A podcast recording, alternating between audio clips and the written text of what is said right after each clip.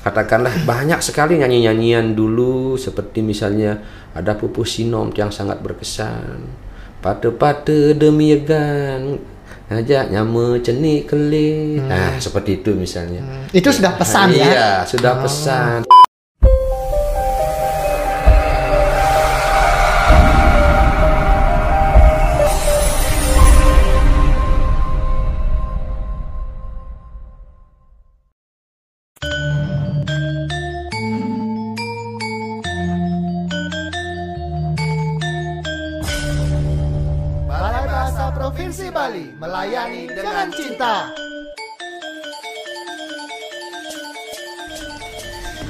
Salam bahasa, sahabat bahasa di mana saja sahabat bahasa berada, senang sekali saya Nyoman Sutrisna dapat kembali hadir menemani sahabat bahasa dalam program Bincang Bahasa dan Sastra, sebuah program yang digagas oleh Balai Bahasa Provinsi Bali untuk menyampaikan informasi kebahasaan dan kesasaan kepada masyarakat.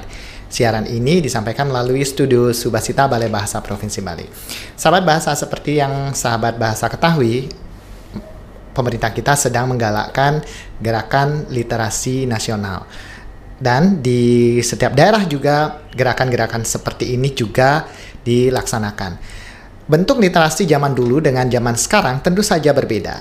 Nah, untuk berbicara masalah ini di studio Subasita sudah hadir narasumber kita. Beliau adalah Bapak Ketut Sandiasa. Beliau adalah seorang penulis, seorang uh, penerjemah, seorang pegiat literasi, seorang pemerhati anak juga dan juga seorang guru di SD Negeri 5 Bugbuk. Selamat datang Pak Tut di uh, Balai Bahasa Provinsi Bali. Selamat datang. Selamat datang untuk kesekian kalinya ya. Iya. Karena Pak Ketut Sandiasa ini ke Balai Bahasa sudah sudah seperti memiliki ikatan ya. Ya. Sudah seperti kantor kedua. Ah, Oke oke terima kasih terima kasih.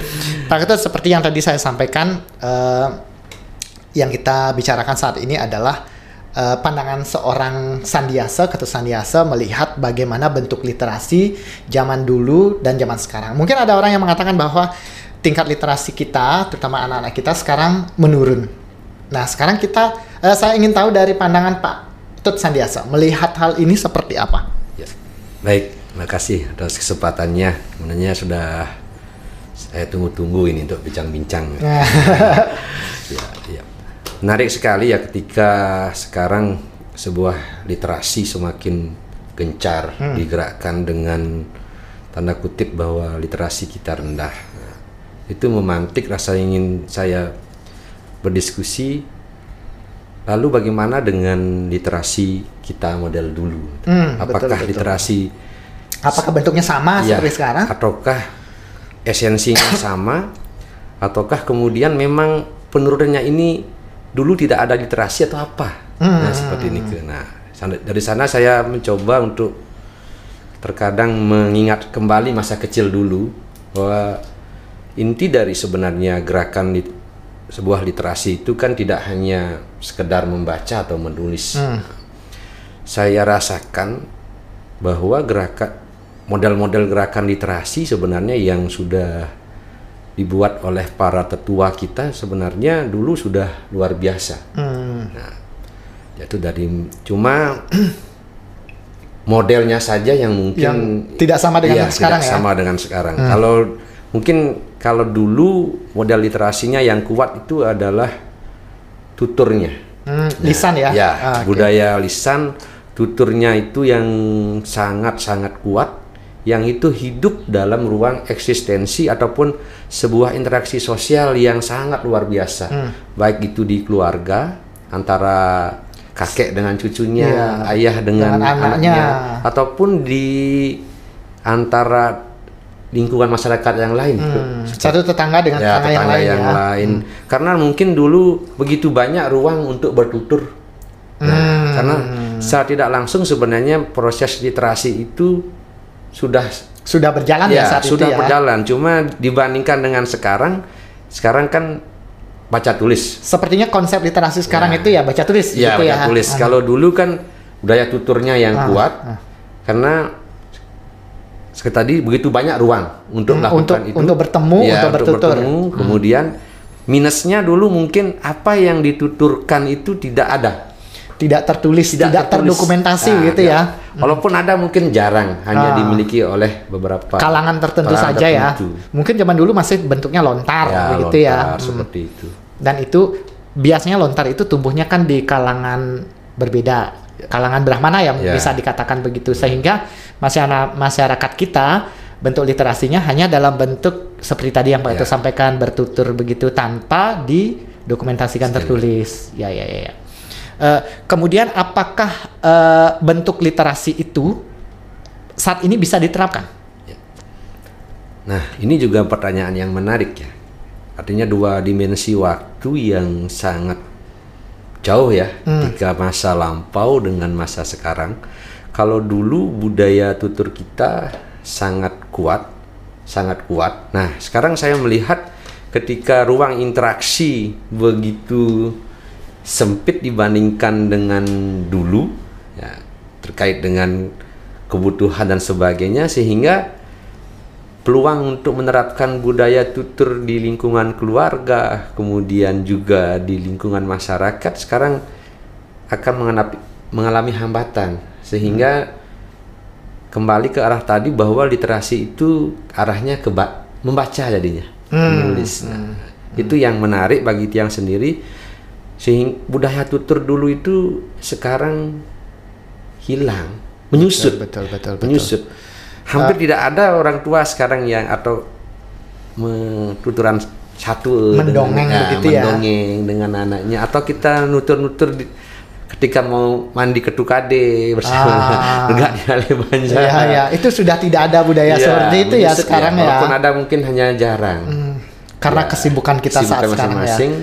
Sehingga baca tulislah menjadi sebuah alternatif literasi sekarang. Hmm, Ya. Baik. Nah, sebelum kita berbicara tentang ke kondisi literasi saat ini, mungkin kembali eh, kilas balik dulu kehidupan eh, Pak Ketut masa kecil. Ya. Bentuk literasi, pengalaman literasi Pak Ketut saat masa kecil itu seperti apa? Ya.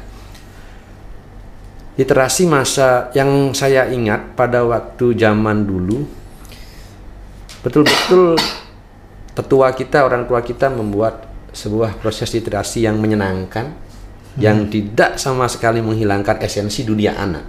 Contoh misalnya mesatwe ya.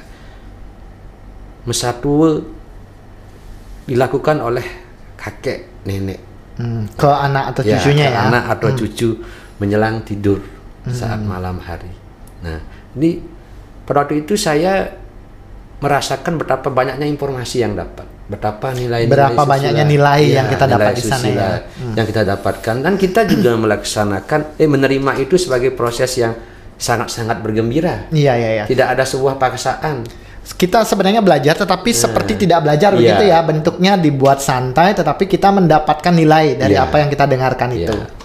Ya. Kemudian juga zaman dulu tanpa sadar lewat nyanyian juga para tetua kita sudah melakukan sebuah proses literasi.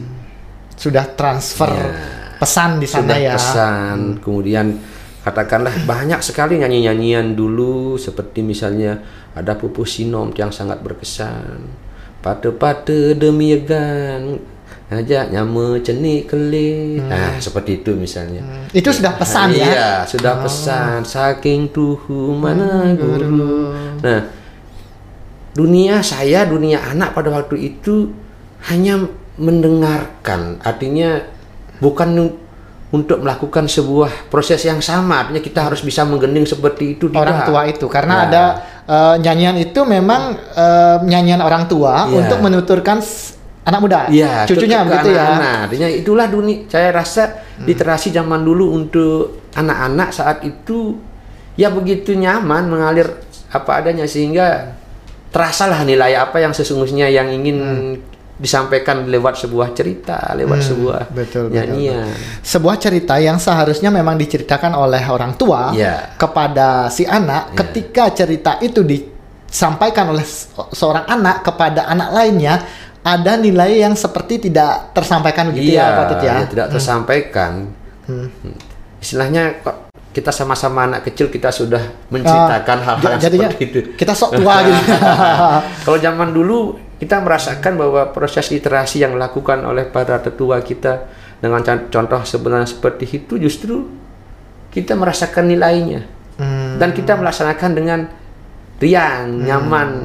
Nah, bahasa sekarangnya feel dari cerita Iya. itu kita dapat Iya, ya dapat, feel dari iya. lagu itu kita dapat Iya. iya iya itu juga yang membuat bisa dikatakan bahwa eh, moral yang zaman dulu Iya. itu bisa dikatakan lebih lebih baik gitu ya Iya. Karena nilai-nilai yang eh, ada dalam sebuah dongeng dalam sebuah cerita dalam sebuah lagu itu tersampaikan dan itu berulang-ulang disampaikan oleh orang tua ke anak sehingga si anak juga meresapi nilai-nilai itu Iya. gitu ya. Selain itu eh, zaman Pak Ketut dulu bentuk-bentuk eh, literasi selain dongeng, Kalau literasi yang mungkin literasi budaya, Hmm. tiang li, tiang merasakan literasi budaya dulu kita kuat Hmm. untuk mulai mengenal budaya-budaya yang dari lingkungan sekitar kita yang kecil. Nah, kalau zaman dulu tiang melihat ini sebuah otokritik juga buat saya juga dan teman-teman yang lain sekarang.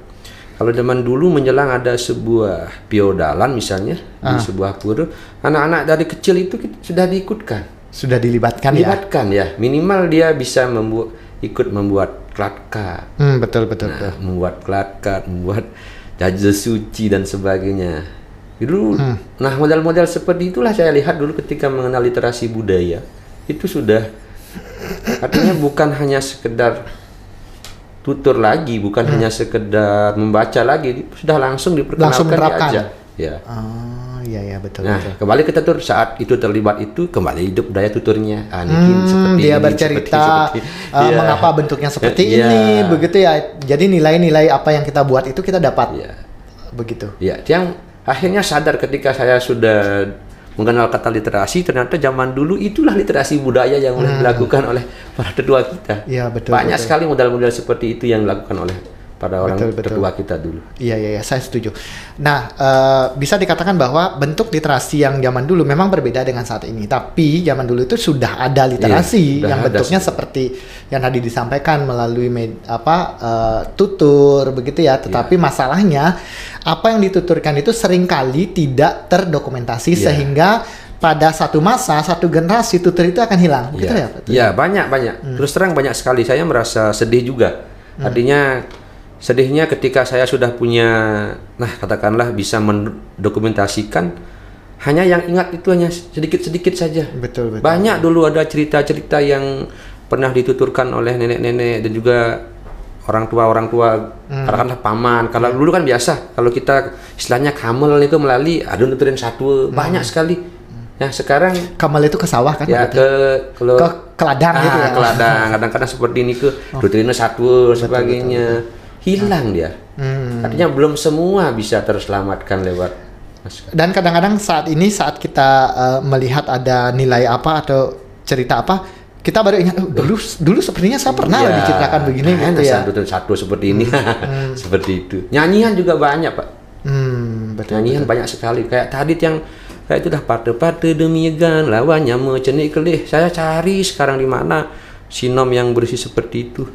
Tidak ketemu. tidak ketemu mungkin saja banyak lagi nyanyiannya seperti itu yang tidak selamatkan Dan eh, apa namanya ya bentuk budaya ngempu itu juga bentuk literasi juga itu. Iya. Menyampaikan saat si orang tua ngempu kan Hmm.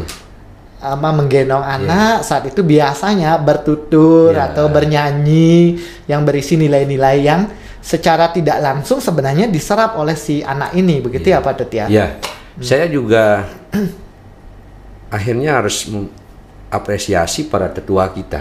Artinya melakukan gerakan literasi sesuai dengan dunia anak dan waktu yang tepat. Hmm. Katakanlah menjelang tidur kita bercerita, menjelang tidur kita menembangkan dia dari masih kecil kan. Hmm. Ternyata memang saya pernah baca tapi lupa sumbernya pada masa seperti itu istilahnya memori otak kita Menyerap. menyerap dan menyerap mungkin- langsung langsung terbawa saat Iya, tidur kan terbawa. jadinya ya. Nah, Ah. Mungkin para tetua kita belum pernah belajar teori secara ilmiah tapi Sudah menerapkan. sudah menerapkan ataukah sudah mungkin punya sumber-sumber sastra ya Sebenarnya mereka itu. sudah sudah ada dasarnya, Iya. tetapi seperti tadi itu tidak ada tidak terdokumentasi itu Iya. ya mungkin ya yang menyebabkan kita jadinya tidak tahu untuk meneruskan itu seperti apa karena ada apa ada ruang ada gap Iya. seperti itu dari budaya itu sehingga uh, sampai ke budaya sekarang. Ya, nah, yang yang jelas gini, saya merasakan literasi zaman dulu terlepas dari baca tulis ya, betul-betul istilahnya feel-nya dapat. Ya, hmm. kita sebagai anak tidak kehilangan dunia anak kita hmm. karena memang tadi memangnya kita harus mendengarkan satu ya kita mendengarkan satu. Hmm. Ya, kita di mendengarkan nyanyian ya kita memang mendengarkan, mendengarkan. dan meresapi nyanyian hmm. itu. Hmm. Itu yang saya yang saya ingin beranyang sana kembali hmm. Dengan modal-modal literasi kayak dulu seperti itu. Karena uh, bentuk bahagia zaman dulu itu berbeda Beda, dengan bahagia sekarang ya. nah, sekarang kita uh, kembali ke dunia nyata, ya. ke kehidupan kita sekarang. Ya. Uh, dulu udah bentuk literasi kita bentuk tutur, bentuk lisan hmm. seperti itu. Karena tidak terdokumentasi, jadi di generasi berikutnya itu tidak memiliki sesuatu untuk dibaca. Yeah. Kan jadinya begitu ya. Yeah. Mungkin itu juga yang menjadi imas mengapa kita bisa katakan bahwa budaya baca kita, literasi kita menurun. Karena mungkin bentuknya seperti itu ya yeah. patut ya.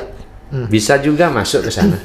Hmm. Masuk masuk nggak seperti itu walaupun faktor minat juga ya, berpengaruh ya. ya. ya nah, ya. terkadang ada yang punya minat bahan bacaan tidak ada. Hmm. Nah, kalau yang masih ingat SD dulu rasanya mendapat bantuan buku perpustakaan luar biasa jadi bahan rebutan anak-anak. Hmm. Ketika dulu bahan bacaan sedikit. Iya. Ya. Betul betul. Iya, jadi ada pengaruhnya juga sebenarnya. Hmm. Uh, kalau Pak Ketut sekarang melihat sekarang kan bentuk literasinya sudah berbeda. Kalau dulu bentuknya tutur begitu nyanyian, tapi sekarang bentuk literasinya itu sepertinya hmm. fokus ke baca tulis yeah. seperti itu ya. Bagaimana Pak Ketut melihat uh, apa namanya uh, kondisi literasi anak-anak kita? Mungkin di sekolah mungkin yeah. Ketut di sekolah. Yang pertama-tama ini sebenarnya jawaban saya pribadi ya, hmm. ya, artinya belum melalui sebuah survei dan apa pun. Memang minat anak baca kita sebenarnya kalau boleh dikatakan rendah, enggak juga sih. Hmm. Anak kita masih memiliki minat membaca yang lumayan tinggi. Nah, terkadang minat itu tidak mendapat sebuah stimulus, hmm. baik itu kalau saya seorang guru misalnya, baik itu metode sebuah pembelajaran yang bisa menuntut dia untuk terlibat aktif dalam membaca. Hmm. Ya, kemudian stimulus yang lain mungkin bahan bacaan kita juga kurang. Nah, hmm. artinya memang ada beberapa sekolah yang memiliki bahan bacaan yang sangat-sangat bagus. Hmm. Nah, ada juga memang beberapa sekolah yang kayak tadi sarana untuk dia baca tulisnya, oh, sarana untuk buku-buku yang menarik model sekarang hmm. itu kurang. Kurang. Ya. Ya, ya. Seperti itu. Jadi boleh dikatakan bagaimana literasi membaca di kalangan peserta kita sekarang ya ada yang kayak tadi semangatnya untuk literasi membaca tinggi tinggi tapi mungkin ada juga terhambat oleh hmm, stimulus-stimulus tadi, tadi ya hmm. ya dan hmm. kekurangan prasarana kekurangan hmm. sebuah metode yang bagus hmm. untuk dia hmm. nah uh, kembali lagi ke bentuk literasi anak-anak kita sekarang membaca itu kan tidak harus uh, buku yeah. begitu ya karena sekarang ada bentuk literasi digital yeah, begitu. Uh, bagaimana Pak Ketua melihat uh, kondisi seperti itu? Mereka beralih dari membaca buku dengan membaca uh, sesuatu dalam bentuk daring online seperti itu. Yeah. Bagaimana Pak Ketua melihat? Saya gini ya, ketika terutama membaca ya, membaca ke dari yang sebenarnya tidak digital ke digital siswa sekarang itu sebenarnya dia lebih suka informasi yang berupa video hmm. kalau boleh dikatakan artinya isi dari sebuah video isi sebuah buku yeah, yeah. ketika jika divisualkan nah, menjadi video dia lebih tertarik ketimbang hmm. misalnya dia harus membaca, membaca detail begitu ya seperti hmm. itu nah itu yang sebetulnya menjadi selera anak-anak kita Hmm. Ketika dia membaca misalnya tentang perangan perangan perangan dia tidak akan terlalu interest. Hmm. Tapi ketika divisualkan ada narasi sebagainya, dia sebenarnya interest. Apakah itu bisa disebut dengan literasi? Kalau menurut saya pribadi bisa. Karena, Karena dia bisa bisa menyampaikan. Ya. Mungkin bisa bercerita ulang, ya, mendapatkan ide dari, dari, dari informasi yang itu ya. disampaikan ya. itu. Oh. Itu makanya tantangan tantangan buat para pegiat literasi termasuk saya sebagai seorang guru dan juga orang tua untuk menghadirkan hal-hal seperti itu kepada anak. Karena dunia mereka itu memang dunia visual Iya, sekarang ya. iya, sekarang, Ya. ya. Dan eh, fasilitas juga lebih banyak yang Iya, seperti, seperti itu, itu. sekarang ya. Iya. Eh, nah, eh, tadi beberapa sudah Pak Ketut sampaikan beberapa kendala eh, dalam gerakan literasi ini mungkin eh, ketersediaan bahan bacaan, kemudian stimulus, mungkin ada yang lain lagi yang menjadi kendala eh, dalam menggalakkan gerakan literasi ini. Nah ini pertanyaannya sebenarnya sederhana tapi jawabannya memerlukan sebuah tanggung jawab bersama. Saat ini sebenarnya dalam khususnya dunia literasi anak ya, dunia seorang anak sebetulnya dia mem- memerlukan seorang modeling, Hmm. memerlukan seorang figur, ya, figur yang menjadi contoh seperti ini loh orang-orang literat sekitar kita. yang dapat memberikan contoh Iya, ya. kapan sana seorang anak, kapan lingkungannya dia di keluarga jika terbentuk ayah yang literat, ibu yang literat, maka anak itu dengan sendirinya akan akan terbentuk seperti iya, itu juga. terbentuk seperti itu juga. Demikian juga di sekolah. Kapan bapak ibu gurunya seorang literat bisa membangun sebuah komunitas literat di sekolahnya, maka dengan sendirinya Si anak juga akan Iya. jadi literat ya. perlu sebuah keteladanan, perlu sebuah kecontohan yang luar biasa. Itu yang susah ya. Iya, luar Kalau- biasa. Kalau kita berbicara teori kan kita Iya. sebagai orang tua harus memberi contoh Iya. anak untuk itu. Tapi yang menjadi pertanyaan bisakah kita menjadi contoh gitu ya? Iya. Ya. Berarti yang perlu diperbaiki dulu ya dari kitanya Iya, ya supaya si anak juga seperti itu. Mungkin ada kendala lain? Kalau saya mungkin yang terberat itulah. Hmm. Artinya keteladanan atau contoh atau inspirasi dari orang dari keluarga. Ah. Paling kecil keluarga, tapi paling berpengaruh sebetulnya. Karena waktunya Hmm. Karena dia yang iya, lebih banyak waktu paling ya. banyak di rumah. Kemudian di sekolah lagi kalau diperkuat dengan di sekolah apalagi faktor seorang guru luar biasa pengaruhnya membentuk komunitas literat. Hmm. Nah, eh, kalau eh, Pak Pak Ketut sekarang sudah menjadi seorang penulis, sudah menjadi seorang eh, pegiat literasi. Eh, apalagi yang Pak Ketut eh, bayangkan akan lakukan dan akan lakukan untuk meningkatkan gerakan literasi ini? Ya, pertama saya kan sebagai seorang pendidik ya, seorang pendidik itu sebenarnya kalau saya sendiri jelas ketika siapa yang saya peserta didik saya atau anak saya atau keluarga saya atau sebagainya itu belum menghasilkan sebuah karya atau terlibat dalam proses literasi. Nah, makanya saya dari dulu saya punya sebuah sedikit inovasi dalam pembelajaran.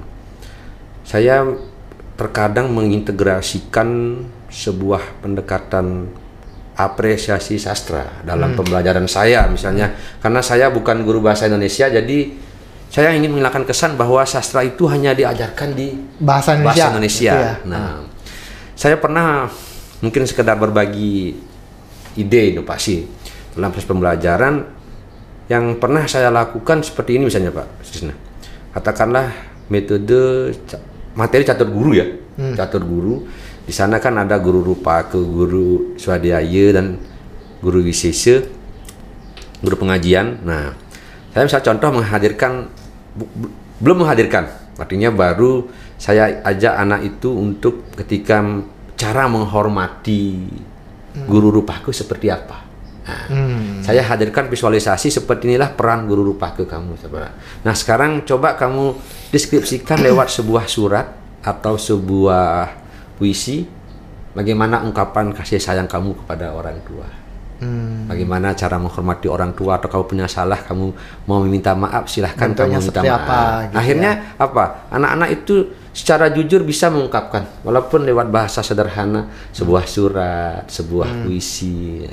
Seperti itu model-model yang ingin saya lakukan seterusnya dan saya punya impian bahwa suatu saat dari hasil semua yang sudah inovasi saya lakukan dalam proses pembelajaran adalah sebuah antologi misalnya puisi dari Hmm, siswa dari selama anak-anak. sekian tahun saya mengajar seperti itu. Ya, ya, ya. Ingin saya punya sebuah seperti itu sebetulnya. ide yang Ya. bagus itu ide yang bagus Hanya terdok- baru terdokumentasi beberapa. Hmm, ya nanti diku- dikumpulkan, Ya, dibuat menjadi dikumpulkan. buku dan itu pasti akan menjadi dokumen bagi mereka saat mereka sudah besar, Besar. sudah sudah uh, dewasa mereka akan lihat, oh waktu kecil saya menulis seperti ini, Ya. gitu ya. Nah uh, itu yang Pak Ketut uh, lakukan pada posisi sebagai seorang guru. Sebagai Sekarang seorang sebagai seorang sebagai orang tua, Ya, apa yang sudah dan akan Pak Ketut lakukan Yang- terhadap uh, keluarga dan anak? Yang sudah saya lakukan tentu memberikan contoh.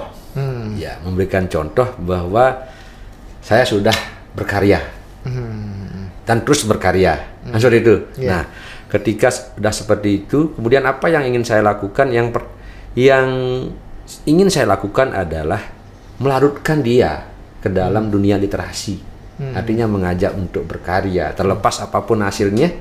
Setiap ada ruang, setiap ada kesempatan, kita selalu memperkenalkan apa yang namanya literasi. Itu yang saya lakukan. Ya. Nah, eh, tadi Pak Ketut di sekolah sudah eh, membuat anak-anak untuk terlibat di literasi itu Iya. dalam bentuk membuat tulisan, membuat puisi. Sekarang kembali lagi ke keluarga.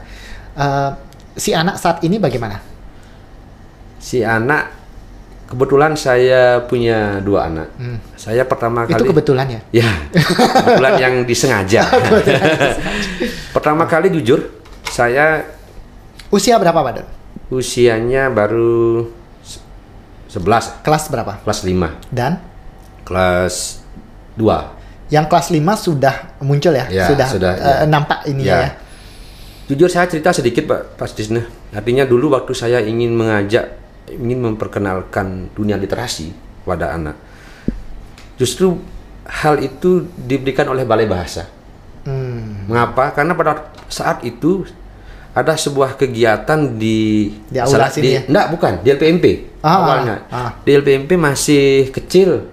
Tapi dia udah gini, saya ajak ke LPMP, di sanalah bertemu dengan orang-orang besar kayak Pak Prof Darmo Putra, kayak Pak Beli Jengki dan sebagainya.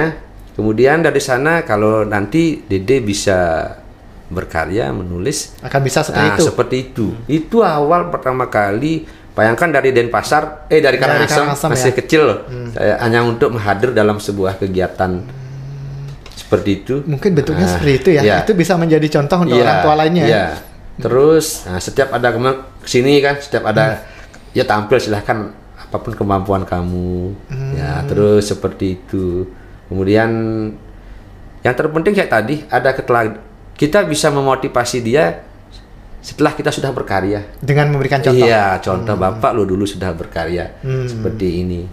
Kamu harus bisa seperti ini. Seperti itu. Ah, Ah. Nah, di sekolah sudah seperti itu, di rumah sudah seperti Iya. itu juga. Sekarang eh, karya Pak Pak Sandiasa, karya tulisan Pak Sandiasa yang bisa dikatakan sebagai eh, apa namanya ya, Eh, trademark apa namanya, sebagai ikonnya Sandiasa itu yang mana sih tulisannya sekarang? Nah, kembali. Sebetulnya sebelum menjawab karya yang menjadi ikon ya, saya sebenarnya sekarang memposisikan diri sebagai seorang penulis yang belum menemukan jati diri sebenarnya. Tapi sudah ada karya Ya, kan? sudah ada karya. Artinya proses menemukan jati diri itu seperti ini. Saya belum fokus untuk apa sesungguhnya jiwa saya. Apakah di cerpen, apakah di puisi, ataukah mungkin di cerita anak. Ya. Tapi kemarin yang menjadi sebetulnya memang menjadi betul-betul dari dari hati ya ketika saya untuk mencoba berekspresi. Kemarin kan cerita kupu-kupu kuning inang di Candi, Candi Dase Dase. bagi saya itu sebuah hal yang luar biasa terlepas dari itu mendapat penghargaan. Namun saya se- melakukan sebuah literasi budaya di dalam buku tersebut. Karena saya melihat jarang juga ada sebuah karya sastra yang di dalamnya ada sebuah literasi budaya yang memasukkan bagaimana sebuah budaya di sebuah desa misalnya kemarin saya itu ada beberapa latar budayanya ya. Itu novel atau cerpen? cerpen. Kumpulan cerpen. Ya, ya? kumpulan cerpen saya misalnya Nyoman Jayu dan Siti Juleha dengan latar budaya di Desa Bukit tentang ber- beraya Islam dan Hindu iya, iya. seperti itu. Kemudian ada juga Bukit Amenga Amengan pada Budu itu mengisahkan latar budaya di desa saya. Ada Hmm. rejang dan sebagainya. Itu kebanggaan tersendiri yang buat bagi saya Iya, iya, tentang buku itu. Karena suatu saat jika nah, ada yang menarik dalam cerita saya tadi. Saya menulis cerita bunga bungan amengan pada budu. Nah, seperti itu. Dulu bukit itu sangat gini, banyak sekali ada gini amengannya Hmm. yang memberikan kesan tersendiri. Nah, sekarang apa? Mungkin karena pengaruh halang dan sebagainya, ternyata amengannya hilang. Tidak seperti dulu. Jadi saya bisa beranjang sana lagi suasana dengan dulu ketika membaca cerpen Iya, itu. iya, iya. Bisa kembali ke dunia. Iya. Itu ya. Eh, kupu-kupu kuning inang di Candidasa ya kalau saya Iya, tidak salah. iya. Itu eh, tahun berapa Pak? Kalau tidak salah sekitar berapa ya? 2018 19 kan? Itu dapat rancang ya? Iya, dapat rancang. Pada tahun yang sama. Ya. Hmm. Bagaimana perasaannya? Sudah punya karya Iya. eh, yang sudah eh, bisa dipakai untuk menuangkan perasaan di sana ya Ya. dalam cerita itu, lalu mendapatkan sebuah penghargaan. Menurut Pak Tut itu bagaimana? Penting tidak ada sebuah penghargaan itu? Ya, sangat penting. Hmm. Saya terlepas saya yang memperoleh ya, tapi apresiasi yang sangat tinggi sekali ketika Bapak Ayub Rosidi ya ada semacam penghargaan sastra ran- Rancage ya untuk sastra daerah itu luar biasa. Bagaimanapun kita harus jujur mengakui peran dari Rancage itu untuk memotivasi penghargaan seperti sastra Bali modern luar biasa. Nah, mudah-mudahan nanti Bali bahasa Bali bisa. Nah, artinya walaupun dengan pola yang berbeda, Berbeda, ya, ya, ya, tapi kan sudah dulu kan sudah ada sastrawan Ya. tahun tular udah luar biasa juga. Ya, ya. Semoga bisa diteruskan lagi ya. Iya, teruskan Eh, lagi. Nah, eh, karya puisi sudah, karya cerpen, novel sudah juga? Novel belum. Belum. Iya. Eh, apakah ada rencana untuk membuat tulisan dalam bentuk novel? Sebenarnya ada. Nah, eh, sebenarnya pertanyaan saya, ke depannya karya literasi apa yang Pak Tut mau fokus atau mau garap lagi? Sebenarnya impian saya sebenarnya membuat sebuah novel. Hmm. Artinya saya ingin mengeksplor diri juga ketika membuat puisi sudah. Ketika membuat apa namanya? cerpen, Cerpen sudah. sudah. Nah, Ada tantangan tersendiri untuk membuat novel, Novel. bahasa Bali yang belum. Hmm. Eh, itu jangka panjang atau jangka? Jangka panjang karena Novel itu tidak bisa Ya, itu ya. Istilahnya itu kan dari betul-betul ketika Hmm. ingin impian saya itu kan. Karena eh, menulis itu juga eh, harus mencari waktu yang tepat juga ya. Karena kita tidak bisa memaksakan diri kita menulis saat kita eh, sedang sibuk melakukan kegiatan lain. Begitu ya Pak? Iya betul. Terlepas memang menulis juga adalah hobi kan. Kita juga terikat oleh pekerjaan Hmm. Yang lain. Seperti itu. Baik. Nah, yang terakhir Pak Ketut, pertanyaan saya. Eh, apa kira-kira eh, apa pesan yang bisa Pak Tut sampaikan baik kepada seorang guru, kepada sebag seorang eh, orang tua, kepada seorang anak? Apa pesan Pak yang bisa Ya. Pak Tut berikan? Pesan saya ini semacam otokritik juga ya buat para semua, buat para semua baik pada Guru, orang guru, tua. orang tua dan juga pegiat literasi, kita beranjang sana kembali lah ke zaman dulu, Hmm. walaupun dengan sudah sedikit ada dinamis. Kita mari kita buat proses literasi itu proses yang menyenangkan buat Hmm, anak-anak anak. kita, kemudian di sekolah kita. Jangan sampai kita maksudnya atas nama literasi, tapi kita memperkosa dunia anak. Itu yang penting saya ingin ingin sebenarnya pendapat pribadi yang ingin saya sampaikan. Contoh misalnya ketika zaman dulu du- memang dunia anak yang mendengarkan satu ya. Sekarang kita jangan perkosa dia atas nama sebuah literasi atau pelestarian budaya. Kita suruh anak-anak mesatu jangan.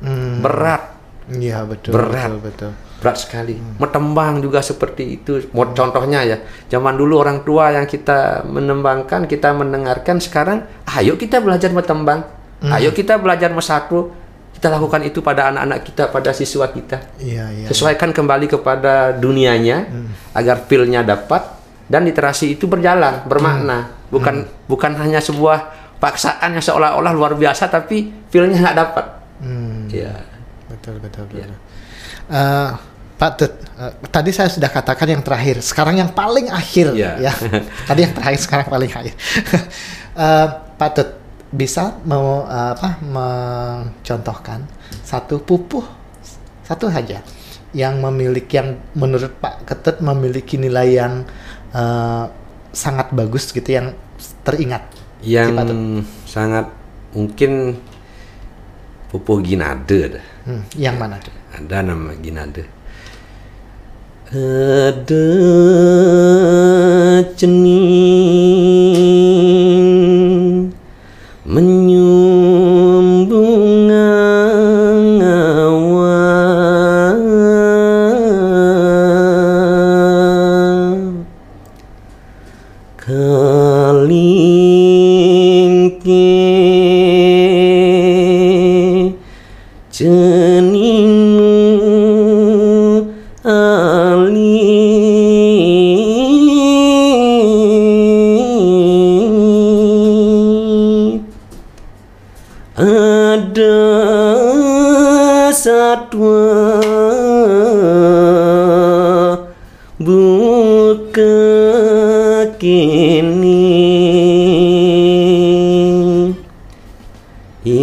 Ida yang batara Wisnu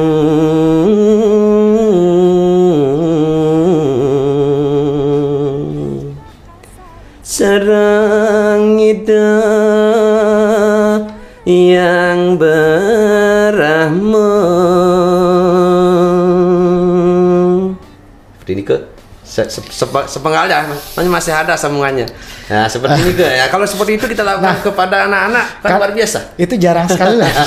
nah, Patut eh, eh, mendengar lagu tadi itu pasti pesan dari orang tua ke anak gitu ya. Iya. Apa sih isi dari lagu nah itu? itu kan sebelum ke pesan itu kan ini ada menyumbungkan awak nah kita sering sombong seperti anak-anak kan ada dulu dewa antara dewa Wisnu sampai mengaku siapa yang paling sakti kemudian dewa Siwa meruntuhkan lingganya disuruh mencari ujung dan akhirnya tidak ketemu nah itu es inti dari lagu yang tadi yang belum selesai nah itu kita sampaikan kepada anak ada setelah kita menyanyikan kita berikan cerita seperti itu kan luar biasa bagus Ya betul betul. Ada nilai nilai moral yang Iya. ter- akan tersampaikan di sana ya. Iya.